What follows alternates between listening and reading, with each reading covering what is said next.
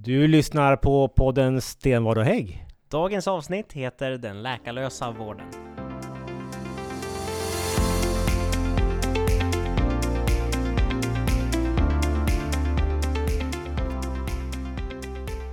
Välkommen till eh, vårt eh, nysläppta avsnitt av våran podd. Eh, Alexander, nu är hösten igång på riktigt, eller hur? Nu är vi inne i ekorrhjulet igen. Inne i full fart. Ehm, och Fortfarande allvarligt läge, eller hur? det är fortfarande ett allvarligt läge, men jag upplever nu första gången under min tid som regionråd i alla fall, att regionen håller på att återgå till eh, det som är ett normalläge och vad allt nu det innebär. Det känns någonstans, utan att ta ut någon seger i förskott, som att vi är på väg, i alla fall i Sverige och i Gävleborg, på väg ut ur pandemin. Men man ska inte ropa hej för man hoppat över veckan. Och vi kan ju se också hur våra kalendrar blir allt mer fullbokade med aktiviteter som vi i normala fall brukar göra. Så det känns Ja. som att vi är på, på god väg framåt, men som sagt var, det är inte över än och vi får se var, var hösten tar vägen. Idag ska vi prata om eh, den nära vården, eller rätt sagt våran, den vård som bedrivs på våra hälsocentraler runt om i länet. Och framförallt det är den typ av vård som nu riskerar att försvinna, att upphöra, att eh, tillgängligheten till den här nära vården kommer den minska avsevärt. Man eh, oroar sig för nu att vi ska lägga ner hälsocentraler, framförallt på landsbygd, eh, men också att ta bort läkarna, att ta bort läkarkontinuiteten så att det ska vara tomma skal bara med en lapp på dörren, men samtidigt så ska det bara stå att det är stängt. Mm. Det är det vi är rädda för. Men där är vi ju inte än, utan vi kommer ju styra det här över en, den så här handboken som vi beslutade om. Ja, du får förklara lite mer hur det hänger ihop. alltså alla regioner i Sverige har en hälsovalshandbok eh, av ett visst slag som styr och reglerar hur man får bedriva eh, primärvården, nära vården i varje region. Eh, det gäller både de privata aktörerna, eh, Capio, Doktorama, eh, privata vårdaktörer, men det gäller också de offentliga, de som heter Din hälsocentral, Andersberg till exempel, Din hälsocentral, Söderhamn. Eh, och den ska nu revideras, eh, det ska in och göras ändringar i den här och att man alltså löpande går in och gör ändringar eh, det är jag helt för. Man kan behöva modernisera, man kan behöva fräscha upp och anpassa. Det gör vi ju varje år, tar Ja. vi ju nya regler för nästkommande år. Ja. Eh, och vi har gjort små justeringar förr om åren som säger, men Ja. nu är det lite mer kraftigare och eh, det är väl den diskussionen som har pågått. Eh, redan i våras diskuterade vi ju de här förändringarna och under sommaren satt vi och tittade på det här så vi har Mm. jobbat ganska hårt med det. Men nu snart ska det upp för prövning så att säga i, i de politiska forumen. Mm. Men eh, så där, som du var inne på, känns lite oroväckande att man kanske kommer dra ner på eh, öppettider, Mm. eh, läkartillgången. Och eh, både du och jag har ju nämnt det flera gånger under den här processen när vi har jobbat med hälsovalshandboken att om vi inte har bland de bästa så har vi nog kanske det bästa eh, hälsovalssystemet, den bästa häl- hälsovalshandboken i hela Sverige.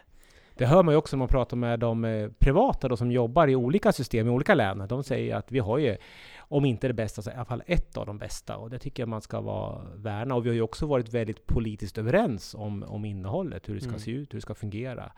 Eh, men det är väl här nu som den politiska ledarskapet, det politiska får pröva och se ifall vi kan fortsätta vara överens. Och den fråga jag fortsätter ställa mig det är liksom varför vill man ändra och i det här fallet försämra någonting som fungerar och fungerar bra?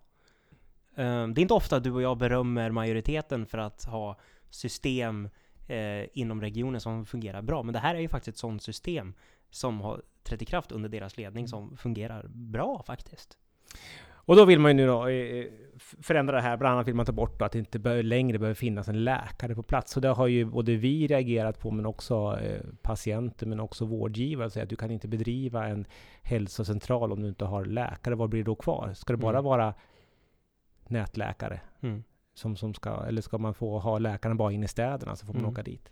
Det är sådana frågor som, som väcks nu, som man Mm. måste börja på allvar fundera på. Vad är man Mm. vill förändra? Man tar ju också bort kraven på öppettider. I, I stort sett så får du öppet när du vill. Ja. Är ju tanken. Och vad innebär det? Då utgår man ju någonstans eh, i och med det att det ska bo, att exakt samma typ av demografi, exakt samma typ av människor bor, är liksom listad på samma ställe lite grann. Att men här kan vi, alltså, du har ju alltid olika grupper av människor. Och ska du individanpassa utan krav på öppettider då, ha lite olika. Vi har tisdagar, då har vi för dem som kanske jobbar hela dagen och ska komma hit på kvällen och sen onsdagar, då är det pensionärerna som har tid mitt på dagen. Liksom alltså, Och vi vet ju redan idag att eh, vi uppfyller ju inte det här som det heter vårdgaranti. Då är alltså rätt att få träffa någon medicinsk personal inom tre dagar, mm, om det inte är akut. mm, Eh, det vet vi ju idag att det, det uppfyller vi ju inte. Nej. Så att jag menar, redan idag så är det för lite öppet. Mm. Så, så det är en del. Men en del man vill komma åt är ju de här hyrläkarna, stafettläkarna. mm, Eh, vi har ju väldigt många sådana just inom på våra hälsocentraler. mm. Eh, så den tanken är väl god att man ändå vill minska ner behovet av, av hyrläkare. Men då måste man ju ha fastanställda läkare istället. Ja, och det har vi inte i dagsläget. Och då är hyrläkare det alternativ vi Mm. har. Och sen har man också sagt, det har vi också hört uttryckligen, att man vill minska ner antalet hälsocentraler. Det kan ju vara så att man lägger ner hälsocentralen. Vi vet, man har pratat om Kilafors och Arbro. Eh, jag kan tänka mig Hedesunda, Storvik, att det finns de här hälsocentraler som, man, som är, som vi skulle uttrycka är hotade. Eh, det gör ju också att den möjligheten förenklas ju för dem att göra den nedläggningen nu, om man driver igenom det här. Mm.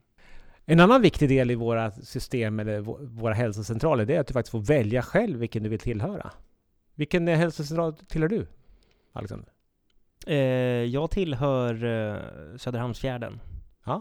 Jag tillhör EIRA. Har jag valt aktivt. Mm. Men jag är inte rädd för att välja bort, välja någon annan om jag är missnöjd. Nej, exakt. Och det är ju lite, det, det är lite grann som är ändå det kommer in det moderata i det hela egentligen, eller liksom allmän borgerliga. Vi står ju för frihet. Du ska ju vara fri att gå dit du känner dig trygg.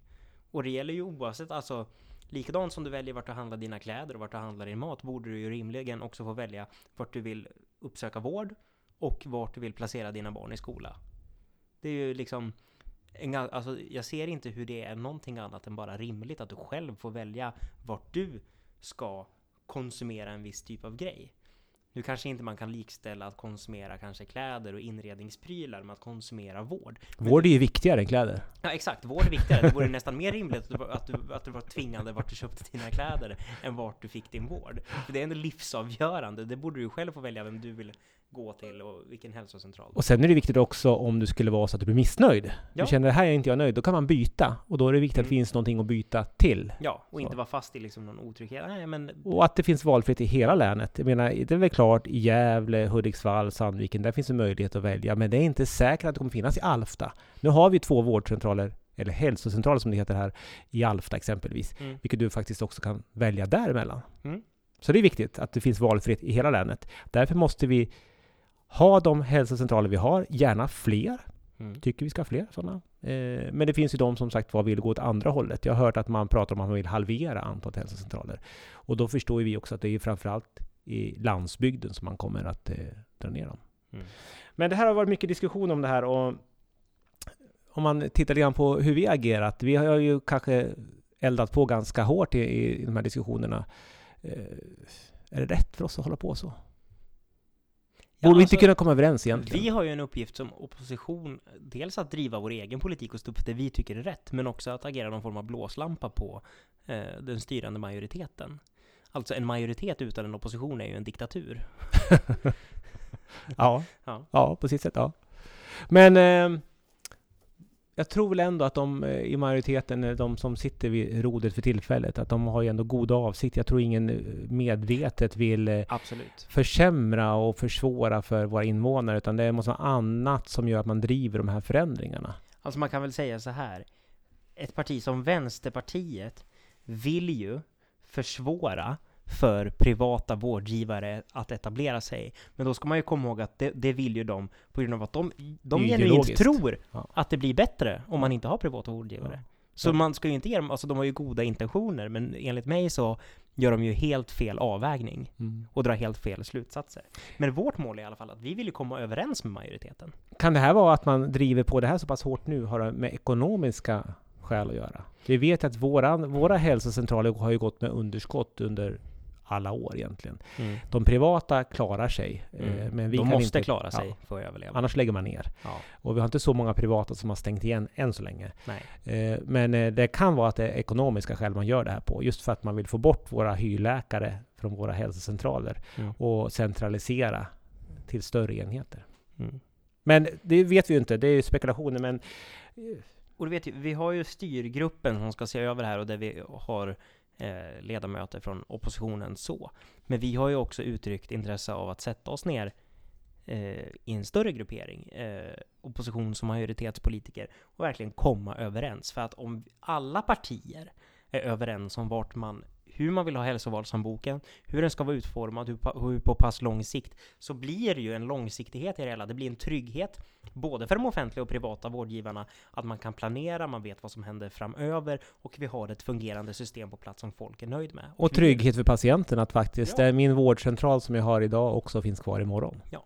Så, så att det där är viktigt att komma överens. Och vi har väl inte gett upp hoppet där än. Vi får väl se hur, hur långt vi kommer eh, med den delen. Men vi har ju ytterligare en perspektiv här också. Det är ju den här digitala vården. Eh, allt mer så kommer de här digitala lösningarna. Vi har nätläkarna, Kry, Min doktor, har ju jobbat på ganska rejält sista åren. Och nu i och med pandemin så har de tagit ännu kliv längre fram. Mm. Eh, Det där är någonting som är intressant också att reflektera över. Hur passar de här nätläkarna eller näthälsocentralerna in i vårat, i vårat län? Mm. Har du sökt eh, en nätläkare? Det har, jag, det har jag gjort. Det gjorde jag eh, när jag hade covid-symptom tidigare i vår, eh, i april där. Eh, så eh, Funkar det bra? Men jag upplevde att det funkade bra. Eh, man gick in på Kry, nu kommer jag in, det var första gången jag gjorde det. Eh, jag gick in och så sk- beskrev jag mina symptom. Det här var så här särskilt på grund av just covid, hade de någon särskild chatt där man fick skriva. Och så fick jag ett sms som att du kommer att träffa läkare, eh, jada jada, klockan, jada jada. Och de ringde upp, prick på sekunden. Mm. Jag är ju lite mer traditionell, så jag har det svårt för just nätläkarkontakt. Jag eh, söker gärna vård fysiskt och när jag ringer så vill jag gärna att någon människa ska svara. Jag har väldigt svårt för de här knappvalen man ska trycka.